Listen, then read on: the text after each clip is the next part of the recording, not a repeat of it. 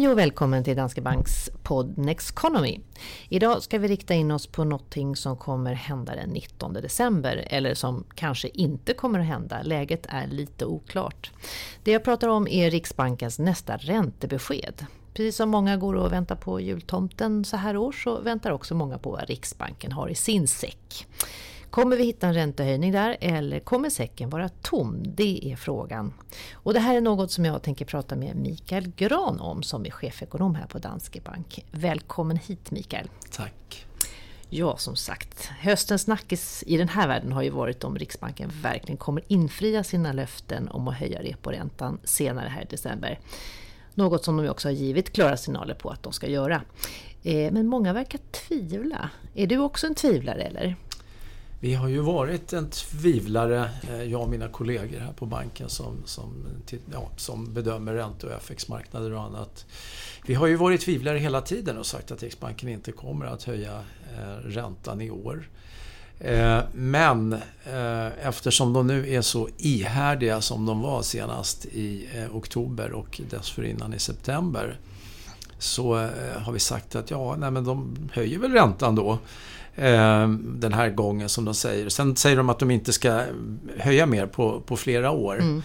Eh, och vi har ju haft väldigt svårt att förstå det här därför att det är tydligt att eh, alla ekonomiska signaler talar för att vi är in, på väg in i en rätt rejäl avmattning. Inte så att vi har en recession, men det, det här brukar man kalla för tillväxtrecession. Tillväxten går ner mot nollstrecket. Mm. Och det sker samtidigt då som inflationen underskjuter målet och inflationsförväntningarna också är på väg ner. Så alla de här bitarna säger egentligen att Riksbanken borde bara avvakta med, med en, en räntehöjning. Vad är det som gör eh, att de ja, bedömer helt annan... Det är det som är eh, det svåra att eh, utröna den här gången därför att de skickar inga bra signaler om vad den egentliga anledningen är. Ehm, ibland står det i en del protokoll och så vidare hänvisningar till att om vi har negativa räntor under en väldigt lång tid så kan det färga till exempel hushållens ränteförväntningar så att de blir kroniskt låga och så vidare. Det kan ge upphov till negativa effekter. Eh, men det finns ingen diskussion som det till exempel finns i Europa om det man kallar för reversal rate, alltså att räntesänkningar blir kontraproduktiva. Mm. Att det slår mot bankernas lönsamhet till exempel. och så vidare. Det, det, har man inte pratat om. Så det gör det här ännu mer eh, konstigt att förstå varför eh, de gör på det här sättet. Och jag tycker själv att det är, känns så märkligt att hänvisa till negativa effekter på ränteförväntningarna. Ehm, Därför att det vi var ute och trodde från början, och jag tror de flesta i marknaden också tänkte det, att de skjuter bara på den här sin vanliga reporäntebana som pekar uppåt efter ett tag. Så att säga. Man säger att vi kommer att höja, men vi kommer att höja vid ett senare tillfälle. Men nu säger man istället att vi höjer nu i december, sen tänker vi inte höja på jättelänge om man är orolig för ränteförväntningarna så undrar, undrar jag vilket av de här budskapen som är sämst egentligen. Jag är ja. inte så, så övertygad om att det, här, eh, det budskapet som Riksbanken skickar nu är bättre än, än det andra. Tror du att de har, är det någon slags prestige i det här också? Eller ja, det är, alltså, det bär mig emot mm. att tro att, att det är så. Mm.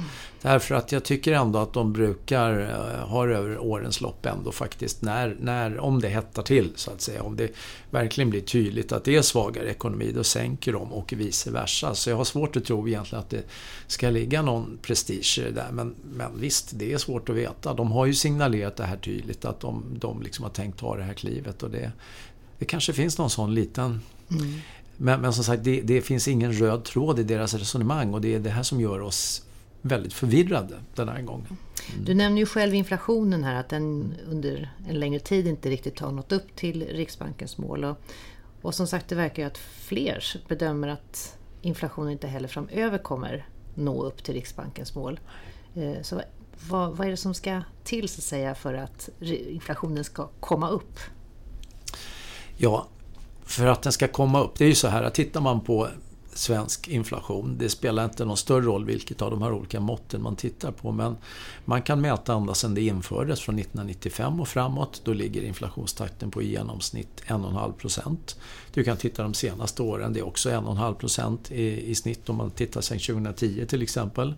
Så att oavsett om man vilka perioder man tittar över så har det varit en, en, ett stabilt genomsnitt på runt 1,5 Och det här Eh, det gör ju hela den här inflations, eh, inflationsmålet mer, eh, ska vi säga, knepigt. Jag, jag, jag, förstår inte riktigt hur man ska kunna uppfylla det här därför att det är, så som jag ser på det så när statistiken säger att det är 1,5 procent och man siktar på 2 då kan man tycka att Riksbankens inflationsmål det är inte väntevärdesriktigt som man brukar kalla det för mm. i statistiska sammanhang.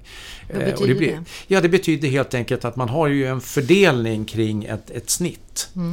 Eh, det kan vara en normalfördelning eller någon annan sån här fördelning, statistisk fördelning. Men, men eh, den, den, den, den, borde ligga så att säga centrerad kring två istället. Lite över, kanske på två och en halv ibland och en och en halv, men runt två. Men nu ligger den runt en och en halv. Mm.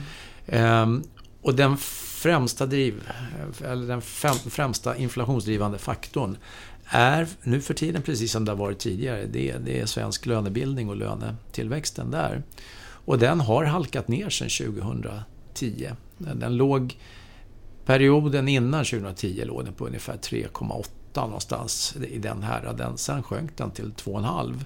Och det är klart, ligger den kvar på 2,5 som den ser ut att göra i kommande lönerunda, eller kanske marginellt över, jag vet inte. Men det man pratar om i alla fall för låga nivåer för att kunna lyfta upp den inhemska delen mm. av inflationen till, till de här 2 procenten. Nu kommer det ju nya inflationssiffror här den, för november, va? den mm. 11 december. Just det. Och det är bara några dagar innan räntebeskedet. Så om mm. det visar sig nu att inflationen för november ligger långt under målet, Riksbankens mål, vad händer då? Jag tänker till exempel med Riksbankens trovärdighet faktiskt, om de nu behöver liksom undvika att höja, att de lämnar oföränd eh, räntan eh, oförändrad? Ja, eh, man kan säga eh, vi hade ju Per Jansson, en av direktionsledamöterna, hade vi ju själva här på besök på Danske Bank för ett par dagar sedan. Och han, hans framställning, det, det, alltså han tillhör ju en av duvorna som man brukar säga. Han är en ränteduva. Han tycker inte man ska höja egentligen. Nu har han gått med på den här reporäntebanan ehm, lite oklart varför han gjorde det, men jag tror att han gjorde det därför att man just flackade till den, så att säga. Man höjer en gång och sen får den ligga still. Eh, så att jag tror helt enkelt att han inte orkade bråka om det. Men givet att data har kommit in ganska svagt på senaste tiden här. Vi har haft en BNP-siffra som var svagare än vad Riksbanken räknade. Vi har haft ett inflationsutfall som var svagare. Vi har haft inflationsväntningar på väg ner. Så det går att radda upp ganska många faktorer här. Och jag tror helt enkelt att Per Jansson är orolig för just den här problematiken. Att om man inte agerar nu och siffrorna fortsätter att gå ner och inflationsförväntningarna går ner då riskerar man att hamna i en situation som vi hade 2012-2014. Alltså att det gick så långt så att då tappade Riksbanken trovärdigheten eh, för inflationsmålet. Det var många som, som helt enkelt inte trodde på det. Inflationsförväntningarna mm. föll väldigt, väldigt djupt. Och det blir väldigt svårt att ta sig upp därifrån. Så det pekar han på. Och jag tycker nu att eh, Eh, även Martin Flodén verkar tveka lite grann och säger att den här höjningen i december, den står inte skrivet i sten. Så att, jag menar, vi, nu ändrar vi oss inte igen. Va?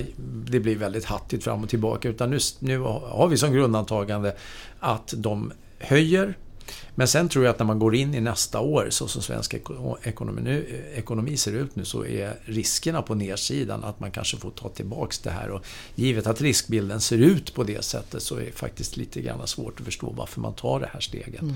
Varför inte bara avvakta lite grann och se vad som händer. Men, men eh, ja, så ser bilden ut. Mm. Mm. Vi får helt enkelt eh, vänta några veckor och se vad som ligger i den där säcken då helt enkelt. Ja, det blir ja. lite eh, inflationssiffror, inflationsförväntningar och annat gott mm. innan Spännande. de kommer med beskedet.